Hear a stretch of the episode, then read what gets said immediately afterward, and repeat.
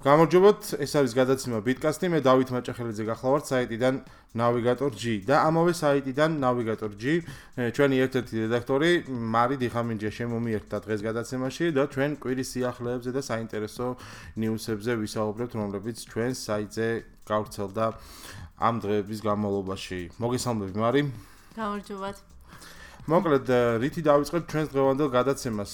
პირველი ალბათ ღირს დავიწყოთ სიახლით რომელიც მაინც და მაინც არასასიამოვნო არის. თუმცა კორპორაცია Microsoft-ის გამსგავსი სიახლეები არც ისე მოულოდნელია როგორც იტყვიან რას რას ეუნება Microsoft-ი მომხმარებლებს და რა პრობლემების წინაშე აღმოჩნდა Windows 10 Creators Update-ის დაყენების შემდეგ Microsoft-ის Windows-ის მომხმარებლები თუ შეიძლება ამის შესახებ გავესაუბროთ. აა როგორც ვიცით, ამ თვეს Microsoft-მა გამოუშვა ახალი update-ი Windows 10-ისთვის, რომელიც არის ცნობილი სახელწოდებით Creators Update-ი. აა ეს update მიუვიდა თავიდან ყველა მომხმარებელს, რომელსაც ეყენა Windows 10, ავტომატურად თხოვდა კომპიუტერი მათ განახლებას და ბევრმა დააყენა ეს განახლება, თუმცა უმეტესობა შეექმნა პრობლემა, ძალიან მასშტაბური პრობლემა. აა მათ ჰქონდათ აა თვითონ ოპერაციული სისტემის მუშაობის პრობლემა. აა რაზეც Microsoft-მა განაცხადა, რომ აა ეს პრობლემა დაკავშირებულია ძველ კომპიუტერებთან და ის ამბობს, რომ ვისაც ძველი მოდელები აქვთ კომპიუტერების ან ნოუთბუქების, მხოლოდ მათ შეექმნათ ეს პრობლემა და სწორედ მათ ურჩიეს, რომ ეს განახლება არ დაეყენებინათ. და ავტომატური განახლება შეუწყვიტეს. თუმცა აა ანუ მათი მათი ლაპარაკიდან გამომდინარე შეგვიძლია ვიფიქროთ რომ იმდენად მაგარი მაგარი აპდეიტი გამოუშვეს რომ ძველი კომპიუტერები ვერ გაჩავენ და მარტო ახალ კომპიუტერებს შეუძლიათ ამ აპდეიტის დაყენება და ძალიან მაგარია თუმცა მეორე მხრივ შეგვიძლია ვიფიქროთ რომ ეს უბრალოდ არის მარკეტინგული ხრიკი და პრობლემა არა ძველ კომპიუტერებში და მათი მონაცემების სისტემაში არამედ პრობლემა creators update-ია ძალიან დიდი პრობლემა, რასაც მალავენ ეს აა რა ვიცი, მოდი ესე ვთქვათ, აა ჩემს ხელში არსებული რამოდენიმე კომპიუტერი, რომელიც Creators Update-ამდე გავაახლემე, აა ვთქვათ, სამსახურის კომპიუტერში, რომელსაც სუსტი მონაცემები აქვს. საერთოდ არ შემქნია არანაირი პრობლემები, სტაბილურად მუშაობს, ისევე ისე როგორც წინა ვერსია მუშაობდა. ოდნავი აჩქარება ეტყობოდა თავიდან ალბათ ფსიქოლოგიური ფაქტორი უფრო იყო ეგ მომენტი, მაგრამ მე არ შემჩნევია, რომ პრობლემები ქონდა, მაგრამ რა შეიძლება აა სანდროს კომპიუტერს ამას წინათ გავუახლე მეგობარს კომპიუტერი და მის კომპიუტერზე აღმოჩნდა ესეთი პრობლემა, რომ საერთოდ ვერ დავაყენე მე და მომიწია სუფთა ინსტალაციის გასება. როდის იყო გამოსული? აა მისი კომპიუტერი არის 3 წლის და ჩემი კომპიუტერი არის 5 წლის, რომელიც სამსახურში მაქვს. 3 წლის კომპიუტერი ძველად არის არითულებოდა თუ Microsoft-ს დაუჯერებთ, მაშინ მასზე პრობლემა არ უნდა ყოფილიყო. რა თქმა უნდა, არ უნდა ყოფილიყო პრობლემა. ასევე პრობლემა შემექმნა ჩემს ლეპტოპზე, რომლითაც ახლა ეს პოდკასტი იწერება. აა მე ვამჩნევ, რომ ოპერაციული სისტემა გარკვეული მუშაობის შემდეგ კარგავს Excel-ს სტაბილურად Excel-ის სტაბილურობის პრობლემა აქვს, ანუ Wi-Fi-სთან კავშირს კარგავს. AirPlay mode-ში გადამყავს და უკან ვაბრუნებ, ანუ Wi-Fi Excel-ს ვთიშავ და თავიდან ვრთავ. და ბრაუზერების თუნდაც Chrome-ის თუნდაც Edge-ის მუშაობაში ვამჩნევ, რომ ბრაუზერი იყინება ხშირად. მიუხედავად იმისა, რომ კომპიუტერს აქვს 8 გიგაბაიტი ოპერატიული მეხსიერება, აქვს Intel-ის Pro HD ვიდეო ბარათი, ანუ ინტეგრირებული და Core i5 პროცესორი Full HD ეკრანით, ანუ არ უნდა იყოს ეს კომპიუტერი ცუდი მონაცემების, ხო, Windows 10-ის. და არც ძველი, ხო? არა, არა, ძველი არის, შარშანდელი მოდელია, HP-ის ProBook-ი არის, რომელიც ფაქტიურად ითვლება რომ Windows 10-ისთვის არის შექმნილი მასზე სტიკერი არ არის, იმიტომ რომ მასში წინასწარ დაყენებული არ იყო ეს ოპერაციული სისტემა, მაგრამ ზოგადად ის სერტიფიცირებულია და Windows 10-ის ქვეშ მას ოფიციალურად დრაივერები და ყველანაირი მხარდაჭერა აქვს. ანუ შენ გინდა გითხრა რომ რასაც გვეუბნება Microsoft-ი ეგ არ არის სწორი, ხო, მიზეზი? აა, ჩემი აზრით Creators Update-ის ტესტირების პროცესი ძალიან დიდხანს მიმდინარეობდა და არ უნდა ყოფილიყო მართალი გითხრა ესეთი პრობლემები, იმიტომ რომ ინსაიდერები იმდენი ინსაიდერი იღებდა ამ ბილდებს და განახლებებს და იმდენი ტესტი იმ იმ ხალხ პროცესი იყო ტესტირების რომ ალბათ არ უნდა მომხდარიყო მსგავსი რაღაცები მაგრამ როგორც ჩანს Microsoft ისევ და ისევ შეეშალა ის თავარი მომენტი, როცა ის იწყებს აა კომპიუტერების ერთმანეთისგან განსხვავებას მონაცემების მიხედვით. ანუ საუბარი რაზი ამასწილად გავრცელებული ინფორმაციით Microsoft-მა თქვა, რომ იმ კომპიუტერებზე, რომლებსაც აქვთ უახლესი პროცესორები, მაგალითად წელს გამოსული Intel-ის Skylake და Kaby Lake chipset-ზე გამოსული პროცესორები და AMD-ის Ryzen პროცესორები, რომლებიც წელს გამოვიდა ამ კომპიუტერებზე Windows 7 და 8-ის დაყენების შემთხვევაში სისტემა აპდეიტებს არ დააყენებს. ანუ გვეუბნებიან რომ ავტომატურად გვაიძულებენ რომ გადავიდეთ Windows 10-ზე. ეს იმას ნიშნავს, რომ Windows 10-იც არის რაღაც სპეციფიური კოდი, რომელიც კომპიუტერის სისტემურ მონაცემებს უყურებს და ამის მიხედვით რაღაცნაირად სხვანაირად მუშაობს. ჩემი აზრით, ისევ და ისევ Microsoft გვაიძულებს ან გადავიდეთ Windows 10-ზე, ან ვიყიდოთ ახალი კომპიუტერი, ხო? აა და Windows 10-ისთვის Creators Update-ი უკვე ერთი თვეა, რაც გამოსულია და შეგორ ფიქრობ, მოახერხებენ ამ პრობლემის მოგვარებას თუ გადავლენ Windows 10-ზე? აა, ფლადერთით, ფლადერთით არ არის, იმიტომ რომ აპდეიტები აა დაიწყო ორი კვირის წინ, აა როცა ორ კვირაზე დიდი ხნის წინ დაიწყო, თუმცა ავტომატური განახლებით, ანუ სისტემამ აპდეიტების მიღება ავტომატურად დაიწყო ორი კვირის წინ დაახლოებით. ასე რომ ეს არ უნდა იყოს პრობლემა ჯერჯერობით, იმიტომ რომ ერთ თვეში თვენახევარში გამოვა პატჩები და განახლებები, რომლებიც ალბათ იმ პრობლემებს გამოასწორებენ, რომლებიც სწორედაც რომ Creators Update-თან არის დაკავშირებული. და არც არის გამორიცხული რომ Creators Update-ის პაკეტი, რომელიც Microsoft-ის სერვერზე დევს, შეიცვალოს და შევიდეს მასში ცვლილებები, რომლებიც შემდგომში ამ პრობლემებისგან დაიცავ დაიცავენ მოხმარებლებს. აა და მოდი რამე კარგზეც რო ვთქვა, Creators Update-ში რაც არის კარგი. ისინი გვეუბნებიან, რომ განახლებები მოიცავს სპეციალურ gaming რეჟიმს, Paint 3D-ს, Edge-ში ცვლილებებს, ღამის რეჟიმს. აა სხვა შენ როცა დააყენე რა მოგეწონა ამ განახლებაში? აა კი, მოდი, წინა გადაცემაში მე ამაზე უფრო დეტალურად ვისაუბრე Microsoft-ის მიერ Creators Update-ში შეყვანილ ცვლილებებზე, მათ დადებითზეც, უარყოფითზეც უკვე ალბათ დროის გას, გარკვეული დროის გასვლის შემდეგ შევძლოთ საუბარს, მაგრამ ერთადერთი რაც მომეწონა პირველ რიგში და რითიც ვისარგებლე, ეს არის gaming რეჟიმი, რომელსაც საშუალება მომცა ჩამეწერა თამაშის სრულობა ყოველგვარი პრობლემების გარეშე ჩემი აი სუსტი მონაცემების კომპიუტერზეც მე გავუშვი 3D თამაში ჩავიწერე მისი სრულობა და მისაღები ხარისხით მისაღები კადრების სიხშირით ჩაიწერა ეს თამაში მან მისაღებ თვითონ მოყვება ხო? თამაში ჩაწერა პირდაპირ Windows G ღილაკს აჭდებით და იხსნება სპეციალურ მენიუ overlay ისეთივე როგორც თქვა Steam-ში მენიუ იხსნება მსგავსი რაღაცა იხსნება სპეციალურ საიდანაც შეგვიძლია ჩავწეროთ ვიდეო და ამ ვიდეოზე თუ გინდათ ჩვენი მიკროფონიდან შესული ხმაც ჩაიწერება, ასევე თამაშიც ხმაც ჩაიწერება და ნუ ძალიან მოხერხებული და კარგი რეჟიმია. თან ამ რეჟიმში, gaming რეჟიმში, Microsoft Windows-ი ცდილობს, რომ თამაშს მისცეს კომპიუტერის მთელი რესურსები და სხვა დანარჩენი სერვისები ამ დროს გადაყავს და ეგრეთ წოდებულ რაღაც პროგრამულ დიეტაზე. და თამაშს გამოეყოფა პროცესორის ვიდეო დაფის და ოპერატიული სისტემის და Winchester-ზე წვდომის ისეთი რესურსები, რომ ის უკეთესად უნდა მუშაობდეს აა თეორიულად. ნუ პრაქტიკულად ეს რამდენად ზრდის თამაში წარმატებას პროცენტებში ჯერჯერობით ძნელია თქვა.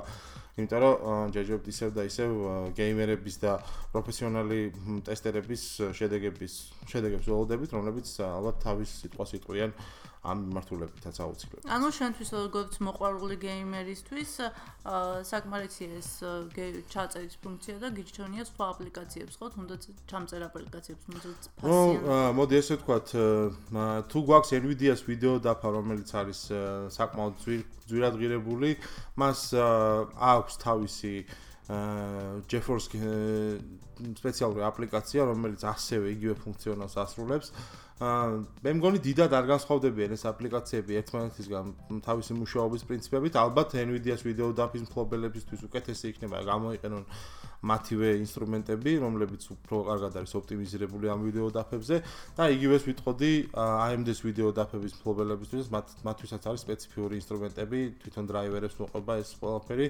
და გეიმერებისთვის ამაზე უკვე ნაფიქრი აქვს და ნაზრუნი აქვს თვითონ ტოპ ვიდეო და ვიდეო ბარათების წარმოებებს, მაგრამ ეს ეხება იმ მოხმარებლებს, ვისაც Windows-შივე, Windows-ი აძლევს, ასე ვთქვათ, ეგრეთ წოდებულ Xbox service და ის საშუალებას აძლევს, რომ თამაშები შევიძინოთ Windows-ის მარკეტში. და Windows-ის მარკეტში ნაყიდი თამაშებისთვის ეს ფუნქციონალი ავტომატურად გააქტიურებულია და ისინი ოპტიმიზირებულია Windows-ის gaming რეჟიმთან. ასე რომ თამაშები რომელსაც Windows-ის Store-დან დავაყენებთ, უფრო კარგი იქნებოდა რომ ჩავიწეროთ თქვათ Windows-ის საშუალებებით და თამაშები რომლებიც თქვათ Steam-დან დავაყენებთ და შემდეგ ჩავიწეროთ ვიდეო დაფის ინსტრუმენტებით. თუმცა არც ერთი და არც მეორე მეთოდი არ გამორიცხავს ერთ ერთმანეთს და ორივე მეთოდი გამართლებულია. ვინ რას დაამუღამებს, ჩემი აზრით ეს უფრო ეს უფრო სწორი შეფასება იქნებოდა. მოდი ეს Windows 10-ის creator update-ის თემა რო დავამთავროთ, საბოლოოდ რომ ისო პრობლემას დაუბრუნდეთ და პრობლემასთან დაკავშირებით რო ვთქვა, როგორც ვიცით, Surface Book-ის და Surface Pro 4-ის ყველა კომპიუტერმა 30 ყველადან 30%-მა უკვე მიიღო ეს განახლება. მათზეც იყო იგივე პრობლემა? აა სხვადასხვის პირველი მოწყობილობები, რომლებიც რომლებზეც ეს განახლებები ტესტირდება, ეს არის თავად Microsoft-ის პროდუქტები, დარწმუნებული ვარ, დეველოპერები, რომლებიც ამ აპდეიტზე მუშაობენ და ახლებენ მას სასტორედ ამ კომპიუტერებით სარგებლობენ და პირველ რიგში ამაზე იქნებოდა ეს გამიზნული რომ ამ კომპიუტერებზე არ შექმნილიყო პრობლემები.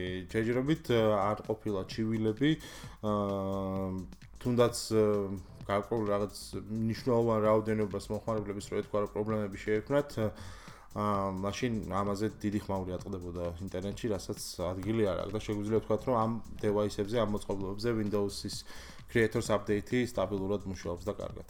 ნუ იმედია მალე მოაგვარებს Microsoft-ი ამ პრობლემას. აჰა. მეც იმეც ვიტყობ რომ Microsoft ამ პრობლემის მოგვარება არ გაუჭirdება ძალიან მალე. ეს ყველაფერი კარგად დამთავრდება და creators update-ის შემდეგ შემდეგ ჩვენ ველოდებით Redstone 3-ს, არ ვიცი რას დაარქმევენ მას. თუმცა Microsoft-ი გადავიდა update-ების მიწოდების სხვანაირ რეჟიმზე. ეს არის წელიწადში ორი მსხვილი განახლების რეჟიმი, ანუ გაზაფხულზე და შემოდგომაზე მივიღებ ჩვენ განახლებებს და მსგავსი creators update-ი, creators update-ის მსგავსი განახლებები უკვე წელიწადში ორზე საკმაოდ ხშირად ექნება მოხმარებელს იმის ფუფუნება, რომ Microsoft-ისგან მიიღოს Windows 10-ის ახალი ფუნქციონალი. და მომავალში Windows-ი დაგვასვენებს, Microsoft-ი დაგვასვენებს იმისგან, რომ ყოველ საღამოს update-ები არ ვაყენოთ, ან ყოველდღიურად? აა, მაგისგან ვერ დავისვენებთ, სამწუხაროდ ამას კომპიუტერი ჩვენსგან დამოუკიდებლად იმ საათებში და იმ დროებში გააკეთებს, რომელსაც ჩვენ მიუთითებთ განახლების პარამეტრებში. მანამდე ამის მითითების და მიუხედავად Microsoft Windows-ი მაინც ააპდეიტებდა ავტომატურად და გვერესტარტებდა კომპიუტერს, უბრალოდ ჩაირთვება ტაიმერი, გეუბნება რომ შეინახო ყველა შენთვის მნიშვნელოვანი დოკუმენტი და ფაილი, რომელზეც მუშაობ და შემდგომ უკვე ავტომატურად დაარესტარტებოდა კომპიუტერი. თუ ამ პროცესში თქვენ კომპიუტერთან არ იმყოფებოდით, შეიძლება თქვენი მონაცემებიც კი დაგეკარგათ. რაზეც Microsoft-ი ამ შემთხვევაში პასუხს არ აგებს. თუმცა ძალიან ბევრი მოხმარებელი ვიცი, ვისაც ამან დიდი დისკომფორტი შეუქმნა. აა თუმცა ეს დისკომფორტი უკვე Creators Update-თან ერთად მოშორდა მოხმარებელს. ზონგარი. Social Creators Update-ი უფრო პატარაა ზომაში. და ამის შემდეგ გამოსული აპდეიტები ზომაში არ იქნება ისეთი უშუალებელი და დიდი, რომ დაგენეროს მისთვის მობილური ინტერნეტის გამოყენებაც კი. თუმცა არავის არ ურჩევ რომ მობილური ინტერნეტით განაახლოს ხოლმე მოწყობილობა ჯობია სახში წნარად შვიდად Wi-Fi-ზე ან ლოკალურ ქსელზე მიერთებული გამაახლოთ კომპიუტერი, იმიტომ რომ რა იცი რა მოხდება, შეიძლება არ ჩაიტვირთოს კომპიუტერი. გადაყენება რომ მოგიწიოს გზაში სადმიდი ხარ. ოღონდ ეს იყო Microsoft-ის თემა და ალბათ Microsoft-იდან გადავიდეთ უშუალო კონკურენტზე, ეს არის Google-ი, რომელიც პირდება რომ წელს სამ ახალ smartphones გამოუშვებს, მაგრამ შენ წერდი ამ შესახებ. არ პირდება. არ პირდება უბრალოდ აა პროგრამულ პროგრამ პროგრამულ კოდში იყო ეს smartphone-ის სამი კოდური სახელი და ამიტომ ვარაუდობენ რომ სამი ახალი მოწყობილობა გამოვა. აჰა, ანუ ეს არის მე გავხსნი ამას უფრო დეტალურად, რას ნიშნავს პროგრამული კოდი. Android-ი როგორც მოგეხსენებათ არის ღია კოდით გავრცელებული საოპერაციო სისტემა და დეველოპერებისთვის ხელმისაწვდომია ეს წყარო კოდი, რომელზეც Google-ი მუშაობს. და ამ კოდში აღმოჩნდა მოწყობილობების კოდური დასახელებები. ზოგადად კოდში მოწყობილობები იწერება როგორც კოდური დასახელება და არა ვთქვათ მაგალითად პიქსელი და არა ვთქვათ რაღაც galaxy S8. ხო, სანამ ჩვენ გავიგებთ smartphone-ის ან პლანშეტის სახელს, იქამდე კოდური სახელებითაა ისინი კოდში და ეხლა სამი კოდური სახელი ნახეს: Volume, Musky, Miski და Timeni. აჰა. და ვარაუდობენ რომ ვოლი შეიძლება იყოს პიქსელის განახლება, აა მუსკი შეიძლება იყოს ჩვეულებრივი პიქსელის და მესამე ტაიმენი შეიძლება იყოს ან ახალი smartphone-ი, ან პლანშეტი. აუ უფრო სავარაუდოა რომ ახალი პლანშეტი იყოს Google-ისგან. აჰა. აა გავრცელებული ხმების მიხედვით ასევე ამბობენ რომ სამი მოწყობილობა Qualcomm Snapdragon 835 ჩიპსეტზე იმუშავებს, რაც ბოლო სიტყვა აა ARM პროცესორებში და ეს ჩიპები გამოიყენება Samsung-ის ბოლო ფლაგმანურ ტელეფონებში, როგორიცაა Galaxy S8 და Galaxy S8 Plus-ი. აა ერთ შეკითხვა მაქვს შენთან, რა სიტყვი Samsung-ის მოწყობილობებზე, რომლებიც გამოვიდა. ნახე საშუალება ქონდა რომ გაგეტეს და ანუ თქვა სიტყვაზე ხელში დაგეჭირა და ასე შემდეგ. გონი არც მინახავს არ მახსოვს შეიძლება ნახე და არ მახსოვს უბრალოდ Samsung-ის მოწყობილობები არაა ჩემთვის იმდენ მნიშვნელოვანი რომ დამამახსოვდეს. აა მაშინ გაგვიმხილე რომელი მოწყობილობები გირჩევნია და რომელ კომპანიას ანიჭებ უპირატესობას და შენთვის რატო არის ეს ასე? აა მე ტელეფონებში smartphone-ებში ყოველს მზე მეტად მირჩენია LG, მაგრამ მას შემდეგ რაც მე მომიკვდა LG და ჩემს გარშემო ბევრი ადამიანს მოუკვდა უმიზეზო DLG, მეგონა რომ არ მეგონა რა ვამბობდი რომ არ უსარ ვიხმარი DLG-ს. და გადავედი Samsung-ზე, დაახლოებით 6 თვე ვიხმარი Samsung-ი, Galaxy S6-ი. მაგრამ ისეთი შეგრძნება მქონდა, რომ თითქოს ტელეფონი არ მქონდა, ან ფანებიანი Nokia დამქონდა. უბრალოდ ის განსხვავება იყო, რომ სურათებს იღებდა.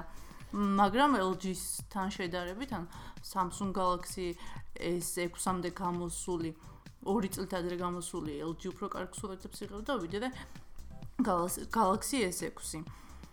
და ეხლა ისევ დავუბრუნდი ჩემს საყვარელ LG-ს. რომელიც მეშინია რომ ისევ არ მოგდეს, მაგრამ მაინც მიხარია რომ მაქვს. სხვათა შორის LG-ს G5 ხმარობ, შენ როგორც ვიცი და როგორც ხედავ, გიყვარს ეს ტელეფონი ძალიან, იმიტომ რომ მას აქვს ისეთი კამერა რომელიც შენ გაგმაყოფილებს, რომელიც ზამეს კარგად იღებს, დღეს კარგად იღებს. ისეთი ეკრანი რომელიც ჩემს თვალებს ძალიან მოსწონს. აჰა. აა თუმცა Samsung-ის ეკრანს ვერ შევადრით, იმიტომ რომ ისეთი ფერები რომელიც ჩემს თვალებს ძალიან მოსწონს. კი, Samsung-ის ეკრანი მე თვალში ძალიან მიყვარს ხოლმე. აა ტელეფონით მოძრაობისას სარგებლობა და მზის შუქზე LG თვალე LG-ს როცა თვალებს ვითხრიდი, Samsung-მა დამასვენა. აა ყველას თავისი პლუსი და თავისი მინუსი აქვს, თუმცა ხო, არა, წინა LG მე ვაღიარებ რომ ის შუქზე ცუდად ხმარობდი მე თვითონაც, მაგრამ ეს LG ჯერ არ დამიტესტავს მცხონვარე მზეზე და ნახოთ.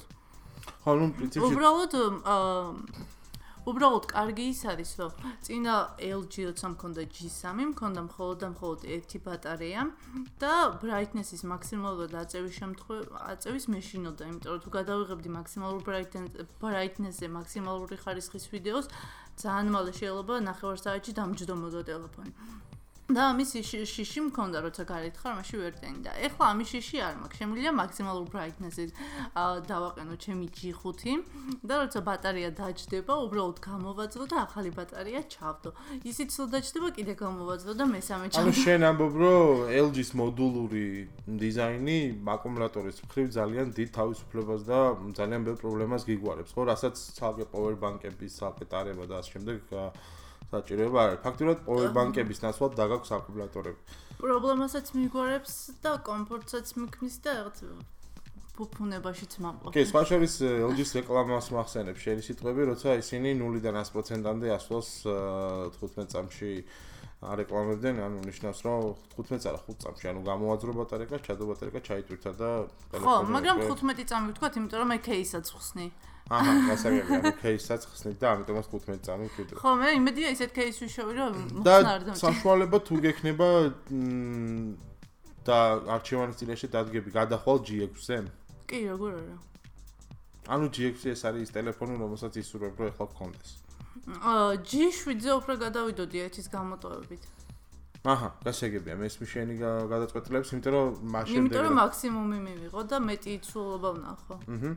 საინტერესო გადაწყვეტილება მე ალბათ ეს რვაზე ვერ გადავალ წელს მისი კატასტროფული ღირებულებიდან გამომდინარე, თუმცა შეიძლება ეს 7-ზე გადავიდე Samsung-ზე იმიტომ რომ მონაცემებით და ასე ვთქვათ აქტუალურობით ის ნორმალურია. რას რას მეტყოდი სისტემურ განახლებებზე? ნორმალურად იღებს G5 სისტემურ განახლებებს? ანუ ეხლა ნუგაზე ხარ? ეხლა ნუგაზე ვარ, კი. მომავალ წელს უკვე შენ აღარ მიიღებს Android-ის განახლებას. ხო. მომავალ წელს თუმცა უსაფრთხოების განახლებებს მიიღებს. სწორედ ამ თემაზე მინდა აა გავამახვილო ყურადღება, რომ Google Google-ის Pixel-ი და Pixel XL-ის განახლებები 2018 წლის ოქტომბრამდე გამოვა. ხო, ეგ დიდად არ მომატარებს. ანუ შენ თქვა სიტყვაზე რომ ნუგაზე დარჩე კიდე წელიწად დახევის განმავლობაში პრობლემა არ შექნება. არა, არა. ну, რა თქმა უნდა, არიან მოხმარებლები, რომელსაც პრობლემა არ აქვს. ამ შემთხვევაში iPhone-ისტებს უკავარ რა. არა, iPhone-ისტებს არ აქვს განახლებების პრობლემები საერთოდ, იმიტომ რომ iPhone 5S-იც იღებს ბოლომდე განახლებებს, ну, რა თქმა უნდა, ეხლა. ხო, მე როცა ერთი განახლება მეორეს გავს, მაშინ რა მნიშვნელობა აქვს? ახლა, ну, მოდი, სხვა თემა, ვიზუალური და პროგრამული ცვლილებები, მაგრამ განახლება, განახლება მაინც რაც არ უნდა იყოს და ამითი თავს გვაწონებენ ხოლმე Apple-ის მოხმარებლები, მაგრამ ის რომ Pixel და Pixel XL 2018 წლის ოქტომბრამდე გამოვა ისი განახლებები, ეს იმას ნიშნავს, რომ ტელეფონს აქვს ძალიან მაგარი მხარდაჭერა კომპანიის მხრიდან და პლუს კიდე ერთი წელი, ანუ 2019 წლის ოქტომბრამდე გამოვა უსაფრთხოების განახლებები ამ ტელეფონებისთვის. რაც მე ვიტყოდი, რომ არის სუპერ. მსგავსი პროგრამა არც ერთ წარმოებელს არ აქვს. ნუ შეიძლება ხაღალზე კონდეს და ეს განახლებები, ანუ გვითხრა რომ იცით რა, მხარდაჭერა გამო მხარდაჭერა იყო 2019 წლამდე მაგალითად, მაგრამ 2019 წელს მათ საერთოდ არ გამოუშვან აქტუალური Android-ის განახლება და თქვა რომ 2020 წლის დეკემბერში გამოვა Android 9 მაგალითად და 9-ზე განახლო მაშინ როცა 2020 წელს იქნება მათი ტელეფონები არც ისე მოძველებული, ხო, ეს რა თუნდაც. აა, ნუ ეხლა მე როგორც ჩვეულებრივ მომხმარებელს ეს განახლებები და ყოველთვის up to date ყოფნა დიდად არ მაინტერესებს ხოლმე და შენ და იმ ადამიანებს ვისაც ყოველთვის უნდა რომ up to date იყოს და სულ ცვლობების ეპიცენტრში იყოს მე მგონია რომ იმ ადამიანებსაც ნუ 2018 წლამდე Pixel L-ს რა დააჭერინებს ხოლში გამოვახალი და იმას იყიდის ხო და არა ეგ ზოგადად როცა smartphone-ს ექნება 2 წელი მინიმუმ განახლება და 1 წელი კიდე დაავადებით უსაფრთხოების განახლება ეს ძალიან კარგია და Pixel-ის შემთხვევაში 3 წელი განახლება და მე 4 წელი უსაფრთხოების განახლებები უბრალოდ ვიტყოდი რომ სუპერ ამაზე მეტი მე მგონი საჭირო არც კი არის და ნუ თუ და ნუ დაივიწყებთ რომ არსებობს კიდე iOS-პი და Lineage OS-ი და კიდე დამატებითი ოპერაციული სისტემები რომლებიც მას შემდეგ აცოცხლებენ ტელეფონებს როცა აა დეველოპერი და მისი ოფიციალური მწარმოებელი ამბობს მის განახლებაზე უარს ასე რომ Android-ის შემთხვევაში უპატრონოდ არ დავრჩებით. როგორ რასაც ვერ ვიტყოდი iOS-ის შემთხვევაში. ხო მეც თუ მომბეს და ჩემი განუახლებელი LG მეც დამეხმარებიან და რა თქმა უნდა. აა თუნდაც ავიღო ჩვენი TV box-ი, რომელთაც ტელევიზორზე ფილმებს უყურებთ, აა ტელევიზიას უყურებთ და ასე შემდეგ, Android 4.2.2 ვერსიაზე მუშაობს, მშვენივრად აპლიკაციები მასზე არის და ჯერჯერობით დისკომფორტი არ შეგვქნია, ხო? თუმცა მიუხედავად იმისა, რომ ძველი ვერსიის Android-ი არის, ხო? აჰა. და არც დავირუსებულა, იმიტომ რომ არ შევდივართ რაღაც ისეთ საეჭვო საიტებზე და არ ვიწერთ საეჭვო აპლიკაციებს. ან Play Store-დან ვიწერთ ოფიციალურ, კარგად გამოცდილ და სხვადასხვა პლატფორმებზე გატესტილ აპლიკაციებს, ასე რომ თქვენც გირჩევთ, რომ არ დააყენოთ გატეხილი აპლიკაციები, თუ რამის თუ რამე უფასოდ არ არის, შეიძინეთ ხოლმე, იმიტომ რომ ამითი დეველოპერსაც დაეხმარებით და თქვენც უფრო უსაფრთხოდ და ასე ვთქვათ აა ლეგალურად იზნოთ თავს. კიდე ერთი საინტერესო სიახლე ისე Google-ის გარშემო ალბათ ვიტრიალებთ, იმიტომ რომ Xiaomi-ზე მინდა და მის კამერაზე მინდა გავამახვილო ყურადღება. ეს კომპანია Google-ის ყურადღების ცენტრშია. მათ სხვათა შორის სანამ ამ კამერას გამოუშვებდნენ, რომელზედაც ვისაუბრებთ ახლა, გამოუშვეს სპეციფიური კამერა. აი სწორედ ის კამერა, რომლითაც Google Street View-ს არა, Body Street View-ს არა, მაგრამ აი ეს სპეციფიურ ადგილებს იღებს დედამიწაზე 360 გრადუსიან ფოტოებს და პანორამებს, რაც Google Earth-ზე არის განთავსებული, გადაღებულია სპეციალური Google-ის კამერებით. project jumping jump VR ქვია პროექტს და კამერის ღირებულება არის 16000 დოლარი, რომელიც შედგება ბევრი კამერისგან, რომელიც იღებს პანორამულ ვიდეოს და პანორამულ ფოტოს, რომელიც შემდგომში ვირტუალური სათვალეების საშუალებით ამ ბრაუზერში ან ტელეფონზე შეგვიძლია დავათვალიეროთ 360 გრადუსიანი პანორამები შესანიშნავი ადგილების მოვიაროთ სოფლიო ვირტუალურად. აა მაგრამ რა ვქნათ ჩაოლებრივმა მოხმარებლებმა, ხო, რომელსაც გვინდა რომ 360 გრადუსიანი ვიდეო გადავიღოთ ან თუნდაც გავუშვათ სტრიმინგი. რას გვეტყვი? ჩინური კომპანია We Technologies-ზე, რომელმაც გამოუშვა We Halo. ო ეს კომპანია ძალიან We 360 VR ხო პოდიში. ეს კომპანია ძალიან ძალიან ხელს გვიწყობს ხოლმე და გვეხმარება ხოლმე, რომ ჩვენც ვიყოთ up to date და რისი დაგემოვნებაც არ შეგვიძლია ხოლმე Google-ისგან, ფასის გამო დავაგემოვნოთ მათგან. მაგალითად, როცა მაგალითად თუ არ შეგვიძლია GoPro-ს ყიდვა, შეგვიძლია 3ჯერ თუ 4ჯერ ნაკლებ ფასად ვიყიდოთ Xiaomi-ის კამერა, ხო? მინიმუმ 3ჯერ. Action კამერა. კი, მშვენიერი Action კამერა იყო. რომელიც ხო, ჩვენც დავტესტეთ, ვიყიდეთ საჩუქრად და მე ხო, მე ძალიან კმაყოფილი დავრჩი. ანუ Xiaomi-სთან ხარისხის პრობლემები ხარისხის პრეტენზიები არ გქონია ასე ვთქვათ არც ხარისხის ხრივ არც მოხმარების ხრივ არც სტაბილურობის ხრივ და ფასიც ასეთი არ იკვინება ესეთი ფასი აქვს რას შეიძლება UI 360 ეს არის მშვენიერი კამერა 12 მეგაპიქსელიანი Sony-ს სენსორებით არის აღჭურვილი ფართო კუთხიანი ობიექტივი და 360 გრადუსიანი პანორამის 5.7K გარჩევადობის შეუძლია გადაღება. ანუ ეს არ არის ვიდეო, ეს არის ფოტო, რომელსაც იქნება 5.7K გარჩევადობა. ან სფერული ვიდეო 4K ხარისხში.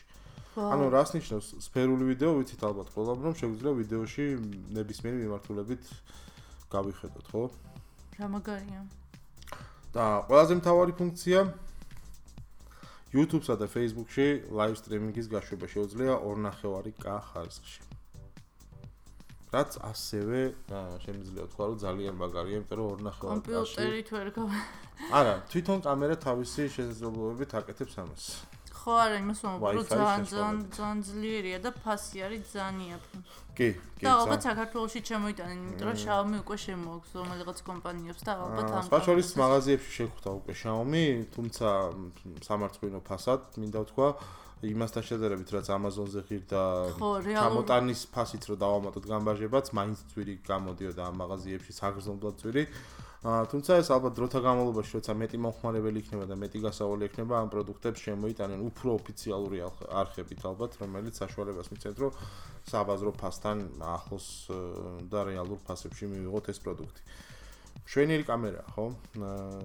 ნუ აკამდე 3-400 დოლარს ამ კამერაში, რო იყოს, რო გქონდეს საჭიროება, რომ 360 გრადუსიანი პანორამები ან რაღაც ლაივები გაუშვა სპეციფიური ადგილებიდან, კურორტებიდან მაგალითად. საჭიროება არ მაქვს ამისი, მაგრამ სურვილი მაქვს და რახან სურვილი მაქვს, ისეც ვფიქრობ, რომ ვიყიდოთ რატომაც არა. კი, არა, მე ვიცი, რომ შენს გაინტერესებს. არა, როგორც ასეთი ვირტუალური რეალობის VR კამერის მუღამი ნამდვილად მაქვს და მაქვს სურვილი, რომ მსგავსი რაღაცა მქონდეს. თავის დროზე ვფიქრობდი 200 დოლარიანი Gear VR კამერა არ ვიყიდო ან თუნდაც LG-ს G5-თან ერთად გამოსული 360 გრადუსიანი კამერა, თუმცა ამ კამერის ნახვის შემდეგ უკვე ამის სურვილი გამიხრა და გამიშდა ძალიან დიდი სურვილი, დაუყებელი სურვილი გამქონდეს ეს კამერა.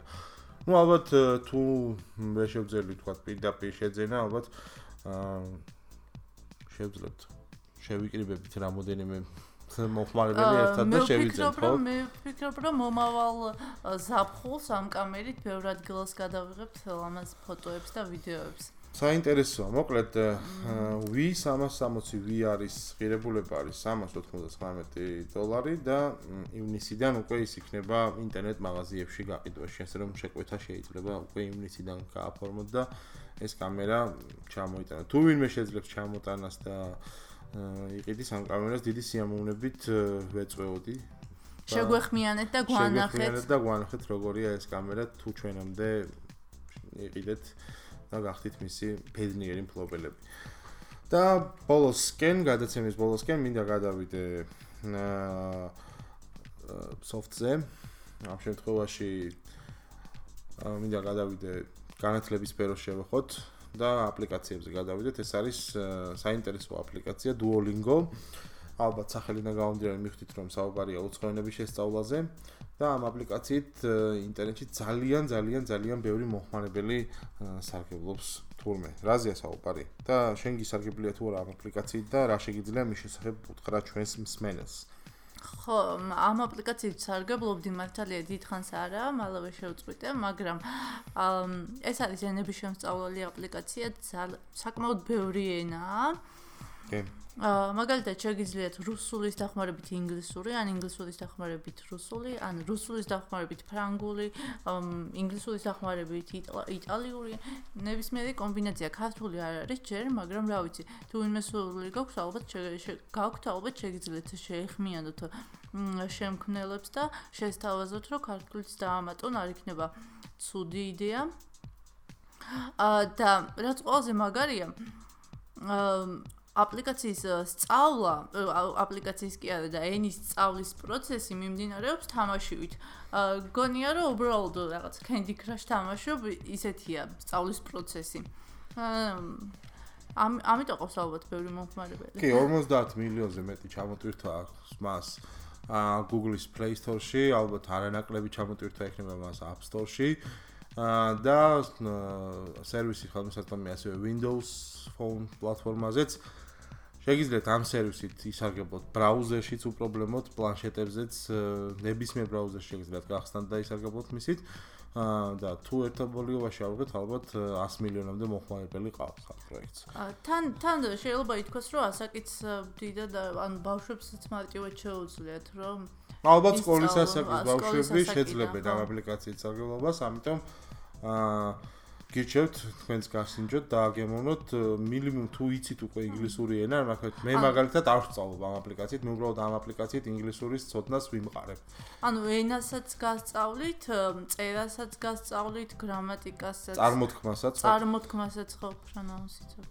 კი, საშუალო წარმოთქმას ამოწმებს, სწორად წარმოთქვით თუ არა, ну, რამდენად ახლა პროფესიონალურად ამოწმებს პრონანსა ეს უკვე სპასაკითხია, მაგრამ თავი ისაა რომ არასწორად წარმოთქვის შემთხვევაში გეუბნება რომ არასწორად წარმოთქვით და ძალიან ძალიან კარგი აპლიკაცია. მე ხალისობ ხოლმე დღეში რამოდენიმე წუთს, 15-20 წუთს ხანდახან ნახევარ საათსაც კი უთმობ გრამატიკული ინგლისურის ინგლისურში მეცადინებას იმისთვის რომ უბრალოდ არ გავიჭედო ხოლმე საუბრისას უცხოელებთან. ეს აპლიკაცია უკვე დიდი ხანია არსებობს და სიახლე იმაშია, რომ უშვებენ Duolingo Plus, რომელიც იქნება ფასიანი ვერსია. და რაც შეეხება ფასიან ვერსიის უპირატესობას, რა აქვს ამ ვერსიას ისეთი განსაკუთრებული? მე როგორც ვთქვი, რეკლამისგან იქნება ხო თავისუფალი? აა რეკლამისგან თავისუფალი ხო ფასიანი აპლიკაცია უკვე ავტომატურად რეკლამისგან თავისუფალია და კიდე შესაძლებლობას იძლევა აა ოფლაინში ჩამოტვირთო ლექციები. აჰა. ანუ გარკვეული კურსი ჩამოტვირთო ოფლაინში და ინტერნეტთან წვდომის garaშეც ისარგებლო მის თან თქვა თუ ხარ ტრანსპორტში, თქვა მატარებლიდან ავტობუსით მიდიხარ შორი მანძილზე ან თვითფრინავში, სადაც შეზღუდულია ინტერნეტთან წვდომა, შეიძლება ჩამოტვირთო და იმეცადინო რამდენიც გინდა. მმ, მე მგონია რომ ძვირია 10 დოლარი თვეში. Ну, არ ვიცი, რამდენად აა გადაიხდის ამას მომხარებელი ან subscription service-ია. ხო, თვეში 10 დოლარი, არ ვიცი. ავი, რა ღირს ხოლმე რეპეტიტორთან სიარული თვეში.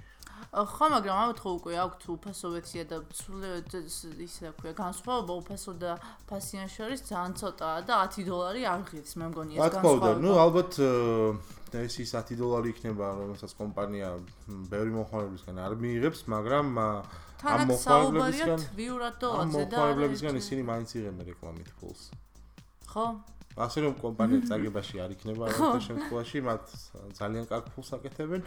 აა ძალიან წარმატებული კომპანია, მინდა უსრულო კიდე უფრო მეტი წარმატება, იმიტომ რომ აი ეს ასეთი აპლიკაციები იშვიათობაა ხოლმე Play Store-ში და ზოგადად საგანმანათლებლო სექტორში აპლიკაციები არც ისე მაღალი ხარისხით და ესეთი პოპულარობით გამოირჩევა ხოლმე. რა უფრო მეტად თამაშები არის პოპულარული და უფრო მეტად სოციალური ქსელები ვიდრე აა education application educational application.